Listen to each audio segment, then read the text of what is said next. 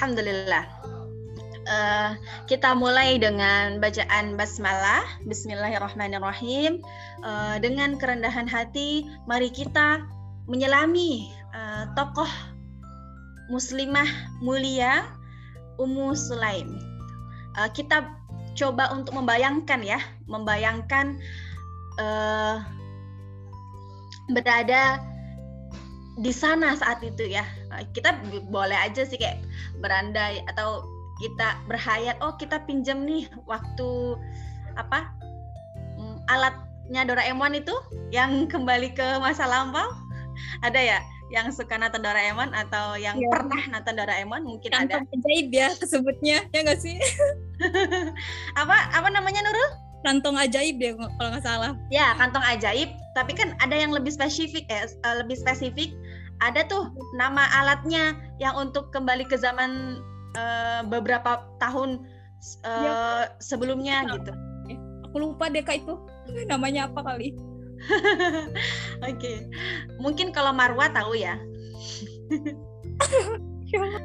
Marwa tuh kan hobi banget sama Doraemon. Oke, okay. jika aku menyelama, menyelami keteladanan Ummu Sulaim. Okay. Uh, jika aku, ini judulnya ya, jika aku. Hmm. nah. uh, pertama uh, jika aku yang pertama adalah jika aku mendapat ujian dalam mempertahankan iman. Jika aku mendapat ujian dalam mempertahankan iman. Misalnya uh, kita mulai dari Nurul. Nurul mungkin dari kecil uh, sudah Islam gitu ya bagaimana jika jika Nurul gitu ya, jika Nurul mendapat mendapat goncangan atau mendapat ujian keimanan. Misalnya oh. disuruh untuk murtad seperti itu. Iya. Itu kalau aku pribadi kita kembali kepada keyakinan diri kita ya. Kalau misalkan diri kita sudah memang benar-benar dekat dengan Allah, ruh kita itu uh, semakin dekat dengan Allah dan semakin yakin. Dan untuk uh, mempertaruhkan agama kita dengan yang lain itu nggak bisa. Nah itu kembali kepada kembalikannya kak. Kalau emang iman kita yang masih kurang cuman ya kata kakak benar ya kalau misalnya kita masih jauh sama Allah ya berarti kita memandang itu masih dari kejauhan. Seperti itu sih kak. Masya Allah. aja kita uh, apa ya namanya uh, dengan dari uh, jauhnya iman ya kita bisa aja menaruhkan gitu. Menaruhkan sebatas ya udah gue murtad deh ya. Contohnya ya artis-artis ya kayak ya. Banyak itu dari... usah sebut merek. Oh, iya. ya, udah makasih makasih Nurul. Oh, iya, nggak apa-apa nggak apa-apa. Ya ya memang kita dapati banyak gitu ya uh, di pelosok-pelosok negeri juga itu mem mempertaruhkan ya mempertaruhkan iman hanya dengan ganti apa? Dengan ganti uh, beras atau uang atau lain sebagainya. Karena mereka tidak memahami agama gitu. Ataupun ya ya kita bisa bilang ya mungkin artis-artis ya nah ya udahlah kita berlepas tangan uh, berlepas tangan ya uh, atas perbuatan mereka gitu. Nah itu jika mungkin teman-teman punya jawaban lain gitu ya jika uh, imannya dipertaruhkan gitu ya jika imannya dipertaruhkan. Kemudian kita kita lihat nih kita lihat bagaimana Ummu Sulaim mempertahankan uh, imannya. Seperti itu. Kita akan uh, mulai dengan jika aku mendapat ujian dalam mempertahankan iman. Kita lihat bagaimana uh, Ummu Sulaim. Kita tahu bahwa uh, Rasulullah Shallallahu Alaihi Wasallam diutus uh, di tanah Arab, di tanah Arab, uh, ketika uh, umat umat saat itu ketika orang-orang saat itu berada di dalam kebimbangan gitu ya. berada di dalam uh, kegalauan gitu kegalauan berada di dalam keterpurukan keterpurukan mereka menyembah sesuatu yang tidak bisa mendengar tidak bisa uh, berbicara tidak memberi manfaat dan juga tidak memberi mudarat gitu. nah, nah Allah datangkanlah cahaya gitu cahaya Islam ketika tanah Arab itu gelap gulita. Nah, uh, datangnya Islam itu disambut Ummu Sulaim dengan sukacita, ya. dengan sukacita, dengan bergembira, dan dia tidak menunda-nunda untuk masuk Islam. Inilah yang ia tunggu-tunggu gitu ya. Inilah karena kejernihan kejernihan hati Ummu Sulaim, dia bisa melihat oh ini, ini yang saya cari-cari gitu. Ini yang orang Arab cari-cari. Kemudian dia masuk Islam. Namun uh, mungkin teman-teman di sini ada yang sudah menikah, ada yang belum menikah. Kita bayangkan ya, kita bayangkan, coba kita bayangkan kita uh, sudah menikah, sudah menikah. Kemudian uh, keputusan kita, keputusan yang paling apa ya, paling prinsip lah ya, yang paling penting itu ditentang dengan orang yang paling dekat dengan kita. Ditentang dengan orang yang paling dekat dengan kita keislaman Ummu Sulaim ini ditentang oleh suaminya. Suaminya marah besar. Suaminya yang selama ini mereka ber, uh, apa ya saling berbagi, saling uh, support, saling-saling itu menentang, menentang keislaman Ummu Sulaim ini. Kemudian dia menghardik juga dengan penuh kebencian dan memintanya Ummu Sulaim untuk kembali ke agama nenek moyang. Bayangkan orang yang paling dekat Mungkin teman-teman yang belum menikah tidak terlalu bisa membayangkan ya. Tapi kalau misalnya yang udah sudah menikah bisa membayangkan betapa dekatnya suami. Ya, karena memang sudah berpisah dengan orang tua dan um, sudah berpisah dengan orang tua dan ya istilahnya mereka uh, berdua gitu tinggal tinggal berdua tinggal bersama gitu. Uh, saling support dan sebagainya nah uh, ini memang kak sengaja ya uh, timbul tenggelamkan slide-nya gitu ya. Uh, kak hilang slide-nya? Enggak, enggak itu emang kak sengaja uh, timbul tenggelamkan. Kemudian uh, kemudian um uh, suaminya ini suaminya uh, mengancam untuk meninggalkan rumah. Mengancam untuk meninggalkan rumah. Tuh bayangkan bagaimana kalau misalnya suami kita uh, mengancam sudah kalau kamu tidak mau ikut denganku lagi ikut dengan keputusanku aku akan pergi dari rumah. Sebagai perempuan ya sebagai perempuan mungkin kita akan ah aduh gimana nih gimana nih kan? Tapi tidak untuk umum selain. Keimanan itu lebih penting daripada uh, uh, lebih penting daripada suami gitu ya. Lebih penting daripada dunia seperti itu. Dia teguh dalam prinsipnya seperti itu. Kemudian uh, kemudian suaminya akhirnya uh, akhirnya benar-benar pergi gitu ya. Benar-benar pergi gitu. kemudian uh, oh, kok ini sih? Sebentar. Nah dengan mantap Ummu Sulaim menolak perintah suaminya ini.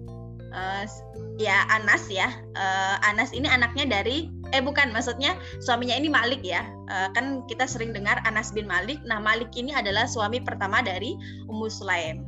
Kemudian uh, bahkan gitu ya bahkan si istri ini si istri yang strong ini mengajak anaknya untuk berislam juga untuk bersyahadat untuk membawa anaknya keluar dari belenggu kejahiliahan gitu.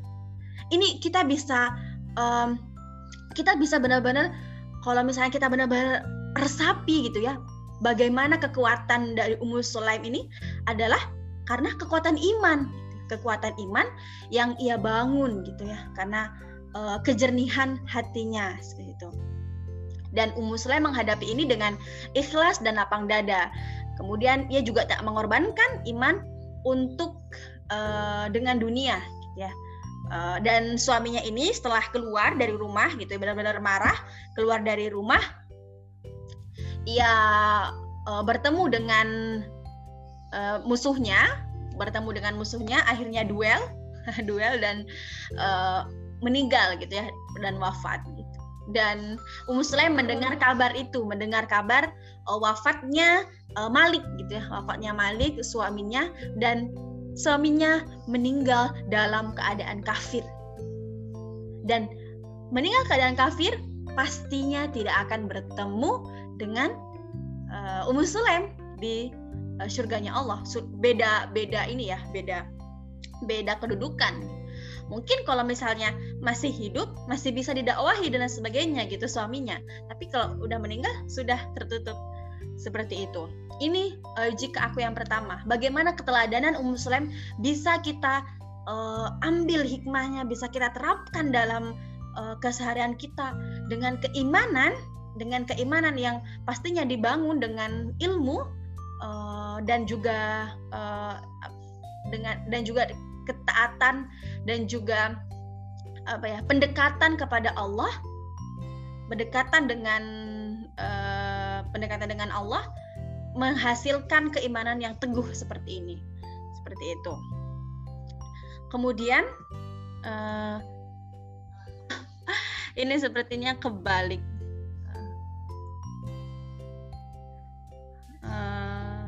sebentar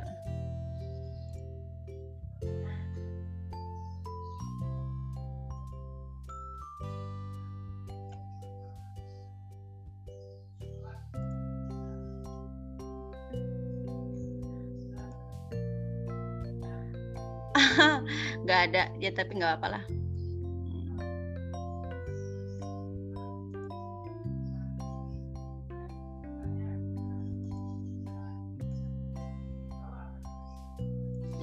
tapi apa? Uh, jika aku yang kedua adalah jika aku jika aku uh, diminta atau jika aku akhirnya harus mengurus anak sendirian. Uh, satu anak ya uh, Anas. Uh, Anas ini uh, di akhirnya dididik sendirian oleh uh, Ummu Sulaim gitu Ummu Sulaim kemudian uh, bagaimana bagaimana jika misalnya kita harus mendidik anak sendirian gitu?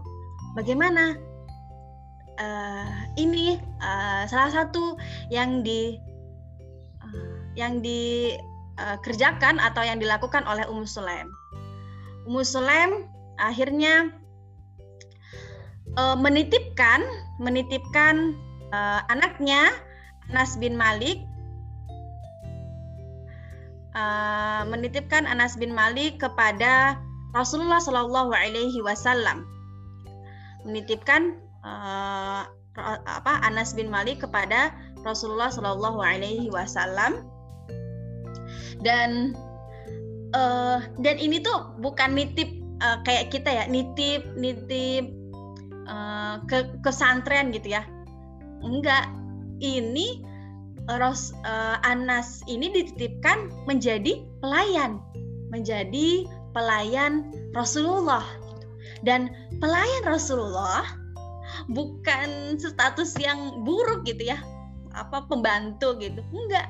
Tapi ini adalah sebuah kebanggaan di dunia dan kemuliaan di akhirat insya Allah dan semua orang itu mendambakan itu. Dan ini Ummu Sulaim gercep gitu ya. Gercep uh, ketika Rasulullah Shallallahu Alaihi Wasallam uh, datang ke Madinah tak lama setelah itu uh, Ummu Sulaim menitipkan Anas bin Malik kepada Rasulullah sebagai pelayan. Hai Rasulullah, ini anakku nih aku titipkan sebagai pelayanmu.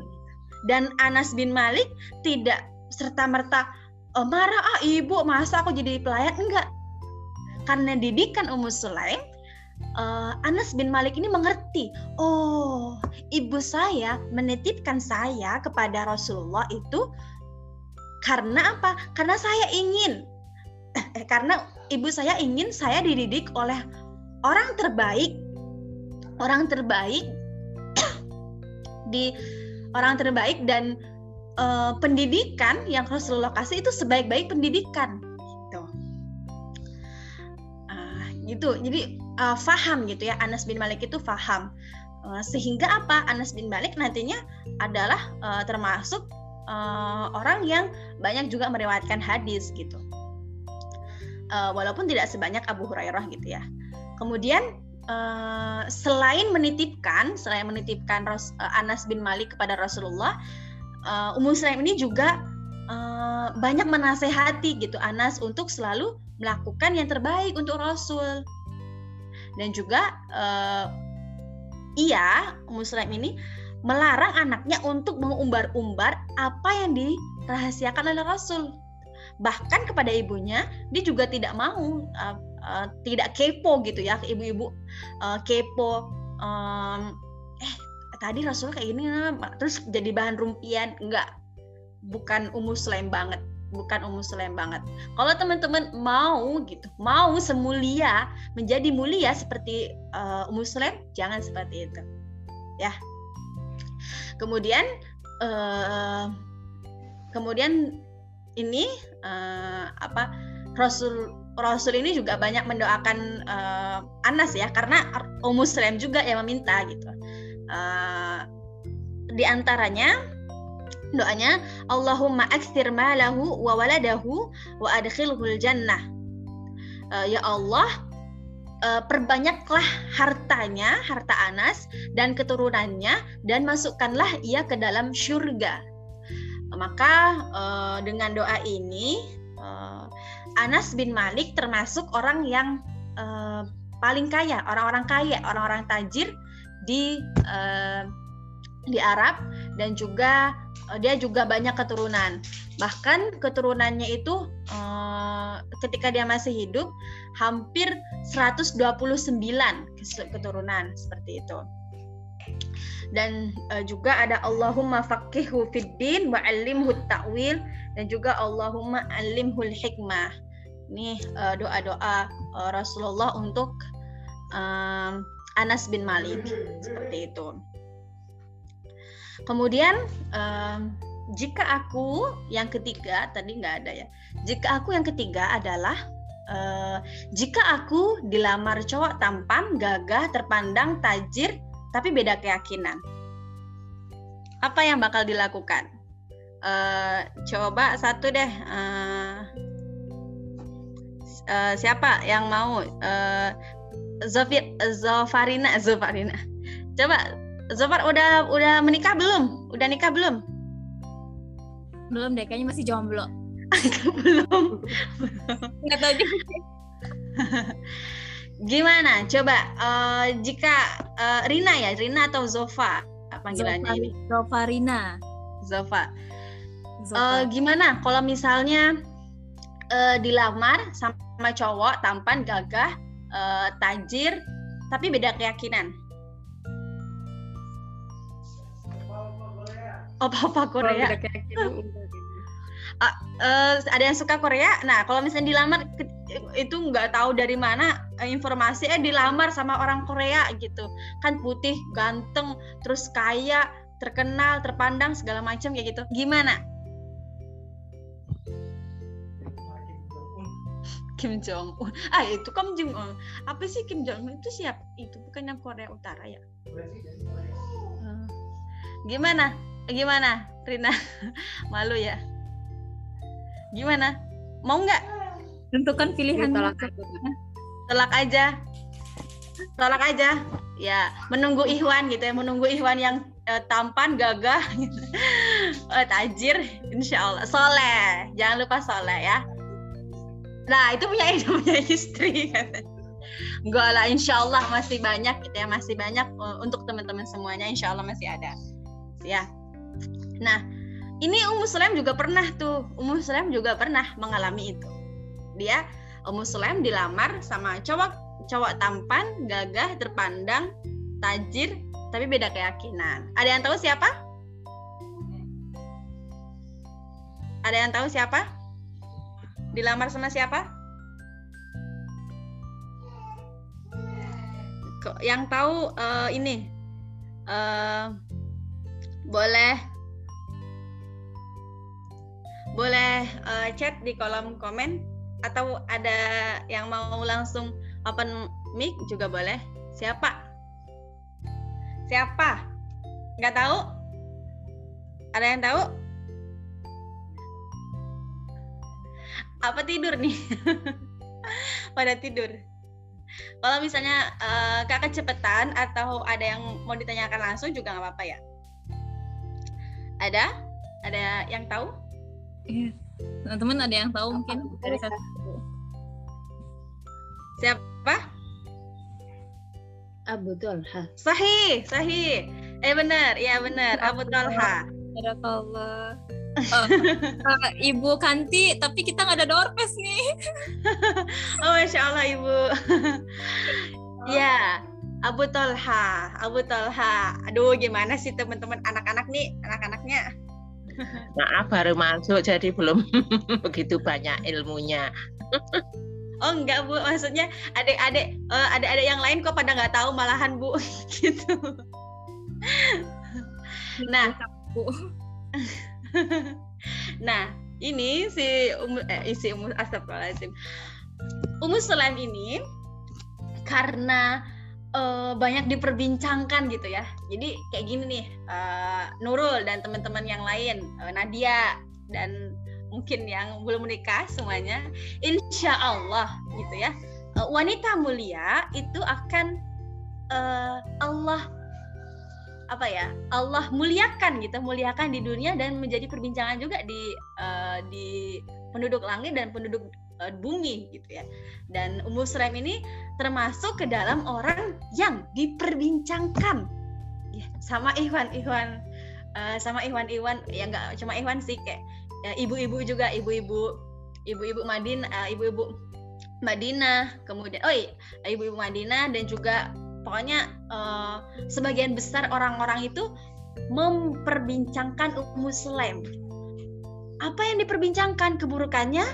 Tidak, tentu saja tidak, tapi kemuliaannya. Kemuliaannya, kecerdasannya, kemudian kebijaksanaannya dan sebagainya.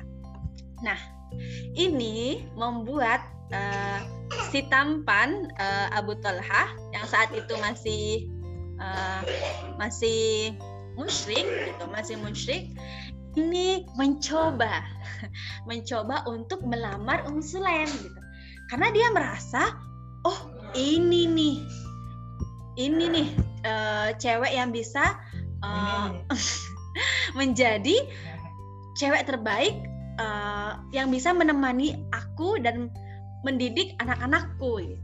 Kemudian si Ummu Sulaim ini ya si Abu Talha uh, pergi ke rumah Ummu Sulaim untuk melamarnya gitu. Dan Abu Talha ini bukan orang sembarangan gitu ya. Uh, dia melamar ingin melamar uh, Ummu Sulaim dengan mahar terbaik gitu ya dengan mahar yang mahal gitu dia pengen nih uh, kalau misalnya dalam redaksi-redaksi gitu uh, Abu Talha itu mengatakan aku akan memberikanmu mahar yang mahal gitu. mahar yang mahal, apa pun yang kamu inginkan aku akan kasih. Tapi jawaban Ummu Sulaim seperti apa? Apakah dia menerima? Apakah dia silau dengan agam eh silau dengan harta? Tentu saja tidak. Maaf maaf saja ya Abu Talha. Uh, apa per, pertama kali Ummu Sulaim menolak, kemudian uh, Abu Talha itu pergi pulang dengan hati hancur, redam apa uh, apa ya istilahnya patah hati. gitu ya. Benar patah hati. Patah hati dia uh, ditolak sama cewek gitu. Padahal dia termasuk uh, ih cowok yang menjadi idaman dia uh, ditolak sama Ummu Sulaim tapi bukan Abu Tolha kalau misalnya dia uh, menyerah dia balik lagi tuh balik lagi ke Ummu Sulaim berusaha untuk meyakinkan Ummu Sulaim gitu Hai Muslim, aku akan kasih uh, yang kamu inginkan. Kamu apa? Mau apa? Mau emas? Uh, eh, ya pokoknya redaksinya uh, si kamu mau mas kawin apa? Lihatlah mas kawinmu ini. Terus uh, Muslim bertanya, apa mas kawinku? Gitu. Emas dan perak. Gitu. Pastinya mahal ya, gitu. Pastinya mahal. Terus ini jawaban dari uh, Ummu Sulaim. Qalat Ummu Sulaim, "La uridu safra wa la bayda. Innaka mru'un ta'budu ma la yasma' wa la yabs wa la yubsir wa la yughni 'anka shay'an. In aslamta fadzalika mahari wa uridu Eh, sadaqan ghairah kata Umur Sulaim ibaratnya kalau misalnya kita sekarang nih uh, ya betul ha maaf maaf saja nih ya maaf maaf saja. Aku tidak menginginkan emas. Sofro ini uh, berarti jamak ya jamak. Berarti banyak emas yang banyak atau baido gitu uh, atau uh, perak perak yang banyak. Inna kamruun Inna, inna itu tuh harfun nasbin gitu ya, harfun nasbin wa taukidin. Berarti ini benar-benar penekanan gitu ya. Ummu Sulaim itu menggunakan kata innaka, berarti penekanan. Sesungguhnya kamu adalah seseorang. Sesungguhnya engkau adalah seseorang yang menyembah gitu, menyembah ta'budu, menyembah sesuatu yang tidak bisa mendengar, tidak bisa melihat dan tidak pula mencukupimu mencukupi mencukupi mencukupimu uh, apa pun gitu ya, uh, apa pun kebutuhanmu. Uh, sebenarnya redaksi dari jawaban dari Ummu Sulaim itu berbeda-beda ya, tapi uh, kurang lebih sama gitu. Seperti ini in aslamta in ini juga uh, harfun nasbin wa taukidin ya karena dia uh, takfif takfif dari inna ya. In aslamta jikalau engkau berislam dan itulah maharku. Dan aku tidak ingin mahar-mahar yang lain. Aku hanya ingin maharku adalah keislamanmu. Dan uh, ini yuk tabar eh yuk tabar dan ini uh, uh, saat ini ya saat ini dikatakan mahar yang paling mulia. Uh, kalau misalnya sering tuh contoh apa judul-judulnya itu akrom akrom mahar fi kalau nggak salah. Ya pokoknya mahar yang paling mulia uh, dalam sejarah seperti itu. Dan uh, Abu Talha ini terguncang dia. Wah dahsyat nih cewek dahsyat gitu. dia dengan itu dia oh dia terpesona dengan Islam kemudian uh, dia mendatangi Rasulullah dan Rasulullah udah tahu nih Rasulullah uh, saat itu bersama dengan sahabat-sahabatnya uh, bersama eh, bersama dengan sahabat-sahabatnya berkata seperti ini uh, Abu Talha datang untuk masuk Islam. Emang apa dan benar Abu Talha ini datang untuk masuk Islam.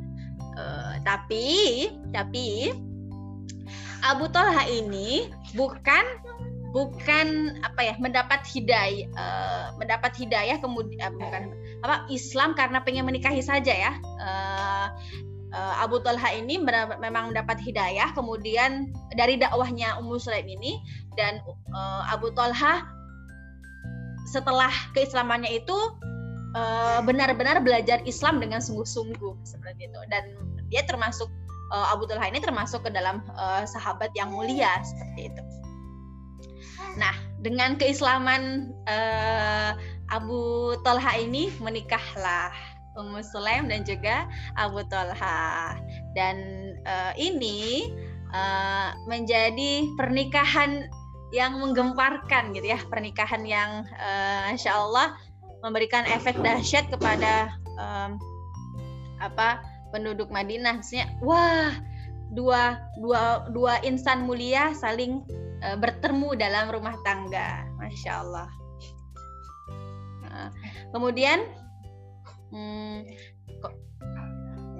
nah ini uh, setelah mereka menikah uh, keluarga mereka ini mendapat apa ya kebahagiaan gitu ya rumahnya rumah yang berkah gitu ya rumah yang dibangun uh, atas dasar Islam. Nah, uh, saya mau mengajak uh, teman-teman sekalian untuk berhayal lagi. Misalnya nih teman-teman udah nikah, kemudian nggak uh, banyak tuh makanan atau ya pokoknya buat uh, kita aja nggak cukup gitu. Tapi uh, suami suami pulang bawa tamu gitu. Ini tamunya tamu penting lah istilahnya, tamu penting yang uh, ini kan tamu tamu penting yang uh, didelegasikan oleh orang yang penting untuk dijamu gitu ya, untuk dijamu. Gitu. Nah ini pernah terjadi uh, sama Ummu Sulaim gitu ya. Nah Ummu Sulaim ini uh, Abu Talha ini Abu Talha uh, kan ya majelis Rasulullah ya majelis Rasulullah setelah sholat gitu uh, ini ada ini nih ada tamu ada orang yang yang lapar lah ya. Apakah uh, dari kalian ada yang ingin menjamunya? Wah ini misi dari Rasulullah nih menjamu menjamu uh, orang yang di di apa ya didelegasikan Rasul gitu wah ini misi yang mulia nih. Nah Abu Talha ini inisiatif gitu. Ya Rasulullah uh, ini ke rumahku aja ke rumahku aja gitu. Uh, biar aku yang biar aku yang menjamunya. Nah setelah itu kemudian uh, Abu Talha dan uh, tamunya ini uh, ke itu pulang gitu ya pulang ke rumah Abu Talha dan teman-teman saat itu tidak ada makanan kecuali untuk satu orang dan itu untuk anaknya gitu ya uh, untuk anaknya. Mungkin kalau misalnya kita gitu ya uh, mungkin akan panik. Ih gimana sih kok bawa tamu sih? Udah tahu rumah nggak ada apa-apa kok malah pulang buat tamu ini? Gimana? Nggak. Muslim tidak panik. Muslim tidak panik. Uh, kemudian Abu Talha menyuruh uh, Ummu Sulaim menidurkan anaknya, menidurkan anaknya gitu kan uh, yang kelap yang mungkin uh, butuh makan tapi bisa ditidurkan. Kemudian Ummu Sulaim menidurkan uh, anaknya dan uh, kemudian mereka mereka uh, makan gitu ya. Di istilahnya kalau itu meja makan lah ya meja makan. Tapi dimatikan. Mungkin teman-teman pernah dengar uh, peristiwa ini ya dimatikan lampunya, dimatikan lampunya sehingga apa? Sehingga tamunya ini tidak mengetahui tidak mengetahui uh, bahwa sebenarnya Ummu Sulaim dan Abu Talha itu nggak makan. Yang makan itu cuma tamunya. Gitu ya. Itu itu saking mereka itu berusaha untuk memuliakan tamunya. Kan kalau misalnya makan apa uh, istilahnya kalau misalnya dia tamunya tahu oh muslim sama Abu Talha kok nggak makan sih? Aku ah, jadi nggak enak makan? Mungkin kayak gitu. Tapi mereka itu masya Allah cerdas gitu ya. E, cerdas dimatikan lampunya kemudian mereka makan. Dan masya Allah e, pagi harinya Rasulullah mengabarkan bahwa Allah ridho dengan apa yang mereka lakukan. E, Rasulullah berkata kepada Abu Talha Sungguh Allah kagum dengan apa yang kalian lakukan tadi malam. Masya Allah. Dan setelah itu turun ayat uh, eh, 9 dari uh, surat Al-Hasyr yang mungkin teman-teman di sini juga sudah hafal ya. Eh, wa yu'thiruna ala anfusihim walau kana bihim khasasah. mereka lebih mengutamakan orang lain daripada diri mereka sendiri, sekalipun mereka sendiri sangat membutuhkannya. Nah, ini uh, setelah apa uh, ayat yang turun setelah peristiwa itu. Masya Allah ini uh, peristiwa seperti ini tidak akan terjadi ketika uh, istrinya Muslim ini apa tidak legowo ya tidak ikhlas gitu. Tidak apa tidak eh, ya, tidak ya tidak ikhlas dengan apa yang dikerjakan oleh suaminya gitu. Bisa jadi Ummu Sulaim marah-marah kemudian ah udahlah orang ini buat anakku kok segala macam kayak gitu. Enggak tapi enggak. Ummu Sulaim uh, mengutamakan orang lain daripada dirinya sendiri. Dan itu sungguh Allah apresiasi. Dan ini bisa uh, kita contoh gitu ya sebagai uh, sebagai seorang muslimah atau sebagai uh, istri atau sebagai ibu kita kalau bisa utamakan orang lain uh, selagi itu baik ya selagi itu baik uh, utamakan orang lain daripada diri kita sendiri. Dan uh, dan semoga Allah ridho dengan apa yang kita lakukan. Kalau misalnya nanti uh, waktunya uh, waktunya ini kelebihan apa udah udah waktunya selesai, tolong dikasih berhentiin ya, Nadia ya. Hmm. Kemudian uh, sedikit lagi, semoga sedikit lagi. Uh, Nah, nih, jika aku mendapati anak yang aku sayangi wafat. Nah, jika aku mendapati uh, anak yang aku sayangi itu wafat. Bagaimana gitu? Bagaimana apa yang akan kita lakukan ketika anak yang uh, kita sayangi itu wafat. Uh, ini ada nah nah jika wanita yang aku sayangi itu wafat. Eh wanita yang aku sayang anak yang aku sayangi itu wafat.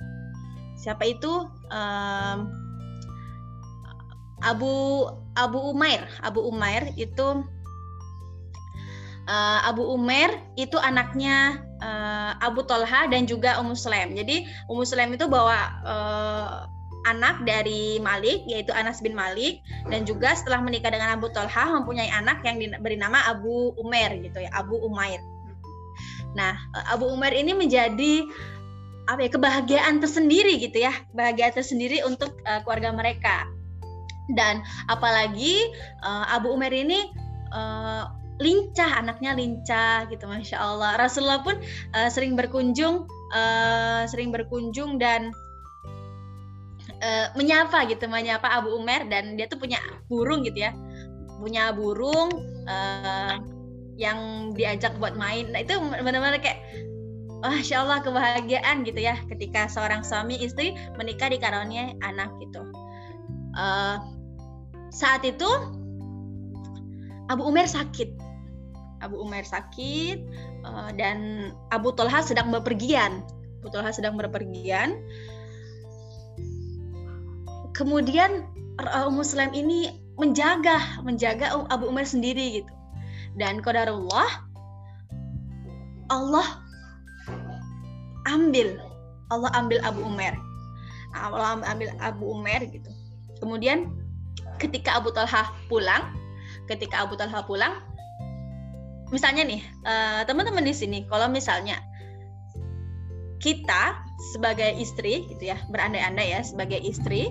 Kemudian uh, anak kita wafat. Anak kita wafat uh, suami lagi pergi suami lagi pergi. Ketika suami kembali apa yang dilakukan? Uh, kita ke uh, Nadia ya mungkin ke Nadia. Berandai-andai berandai-andai. Boleh ya Nadia ya maksudnya iya. berhayal hmm. seandainya gitu apa yang dilakukan Nadia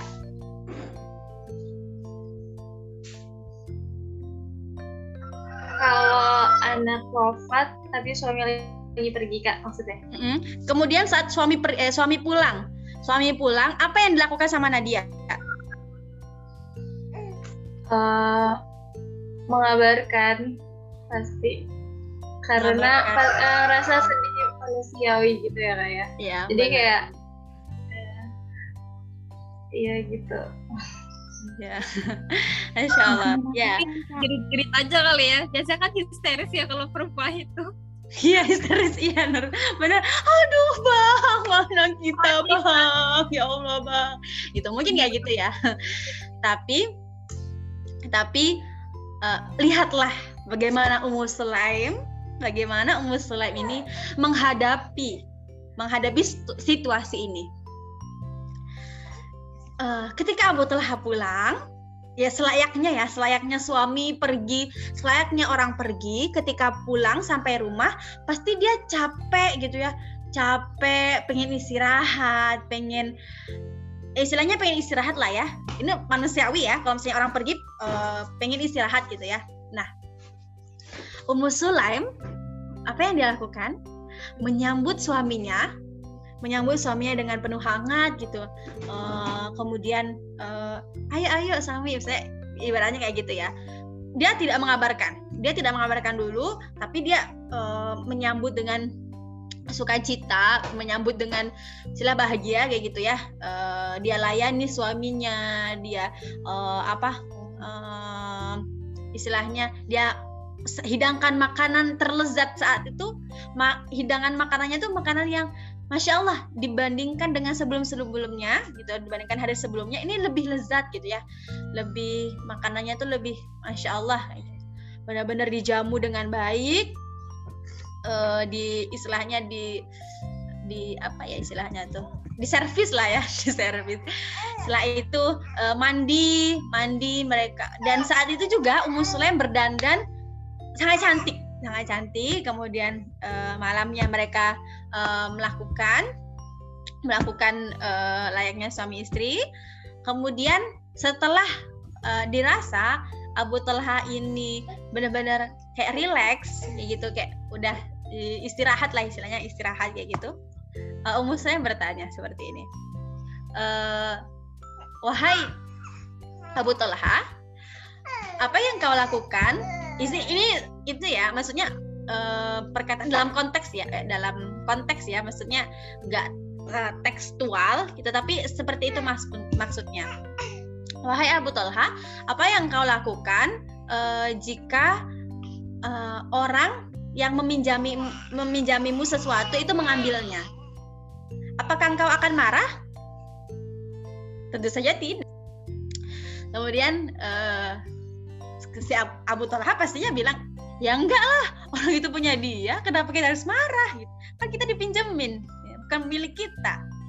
Nah, setelah mendengar jawaban ini, Muslim baru mengabarkan bahwa uh, anak titipan Allah yang diberi eh, anak kita titipan dari Allah telah diambil oleh uh, olehnya. Ah oleh pemiliknya. Titipan Allah anak kita anak kita titipan Allah itu telah Allah uh, telah diambil oleh pemiliknya. Istilahnya uh, ibaratnya ini ya maksudnya anak kita udah wafat. Tapi karena karena udah diawali dengan uh, tadi opini. Kan itu milik milik milik orang bukan milik kita. Anak itu kan titipan. Ya nggak sih? Titipan nggak? Titipan. Dan uh, Muslim sangat pandai gitu ya menggiring opini. Uh, anak titipan Allah Allah ambil kita jangan marah. Tapi uh, mendengar itu gitu ya mendengar seperti itu Abu Sulaim itu kayak eh Abu Sulaim Abu Talha ma mau marah tapi iya juga. Iya juga tapi ya mau marah gitu. Ya marah tapi akhirnya uh, marah Abu Talha marah uh, kenapa? Kenapa uh, baru ngabarin sekarang gitu? Coba marah-marah. Tapi uh, Abu eh, Ummu Sulaim ya tetap tenang gitu. Ini adalah uh, hal terbaik yang bisa aku aku lakukan untukmu gitu aku ingin engkau tenang dulu uh, dan segala macam gitu baru aku kabari dan uh, anak kita bukan milik kita milik Allah kemudian uh, uh, Abu Talha paginya mengadu kepada Rasulullah. Rasulullah kemudian tidak menyalahkan Ummu Sulaim gitu. Dan uh, Rasulullah mendoakan mereka mendapat keturunan yang uh, banyak seperti itu. Masya Allah. Dan itu Masya Allah itu tidak tidak bisa dilakukan oleh uh, orang yang tidak punya ketenangan jiwa, tidak punya keimanan. Tidak, tidak bisa. Makanya uh, kejernihan uh, hati kemudian keimanan Sulaim itu menjadi uh, bekal ya bekal yang uh, uh, sangat penting seperti itu kemudian uh, ini uh, ceritanya masih sebenarnya masih banyak cerita-cerita yang lain yang bisa kita uh, ambil gitu dan tapi uh, tidak tidak tidak bisa ditampilkan semuanya gitu ya nah jika Ya seperti itu semua. Siapakah sosok wanita ini? Dia adalah uh, Ummu Sulaim binti Malhan binti Khalid bin Zaid bin Hiram. Ummu Sulaim adalah nama panggilan. Ya, sedangkan nama aslinya uh, ada perbedaan. Ada yang bilang Sahlah, Rumaisa atau Gumaisa atau masih banyak lagi. Tapi uh, yang paling banyak paling banyak disepakati adalah Rumaisa atau Gumaisa. Seperti itu dan uh, masya Allah Ummu Sulaim itu juga ikut dalam beberapa peperangan gitu ya uh, perang Hunain perang uh, apalagi uh, ada beberapa perang yang diikuti sama uh, Ummu Sulaim dan Ummu Sulaim uh, perang Uhud juga perang Uhud. Dan Ummu Sulaim ini uh, termasuk ke dalam orang yang uh, aktif ya menjaga menjaga Rasulullah ketika uh, Rasulullah diserang saat perang Uhud ya sama bersama Tolha bersama uh, Tolha itu Abu Tolha seperti itu. Dan uh, masya Allah uh, bunda kita tercinta ini Ummu Sulaim juga mendapat jaminan surga dari Rasulullah Shallallahu Alaihi Wasallam.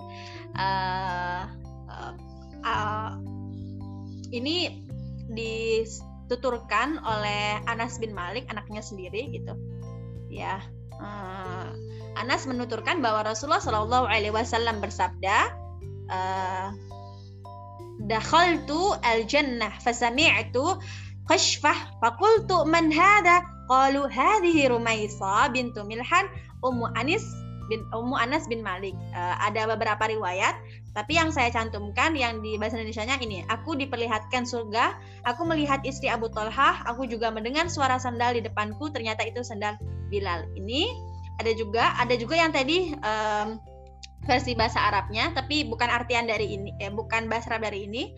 Dakhaltul jannah fasami'tu khashfah faqultu man hadha qalu hadhihi Rumaisa bintu Milhan Ummu Anas bin Malik. Aku pernah bermimpi uh, masuk surga dan mendengar suara langkah orang berjalan di sana. Aku bertanya Rasulullah Shallallahu Alaihi Wasallam bertanya uh, kepada para malaikat siapa ini? Mereka menjawab itu Rumaisa binti Milhan ibnu eh, ibu Anas bin Malik seperti itu. Dan uh, sebenarnya uh, banyak ya riwayat-riwayat uh, hadisnya, tapi uh, intinya uh, sama aja seperti itu. Itu saatnya berpisah dengan uh, kita tercinta. Hmm. Ummu Sulaim yang masya Allah banyak sekali sebenarnya keteladanan-keteladanan Ummu Sulaim tapi uh, Allah lebih cinta dengan Ummu Sulaim. Kemudian Allah memanggil uh, Ummu Sulaim.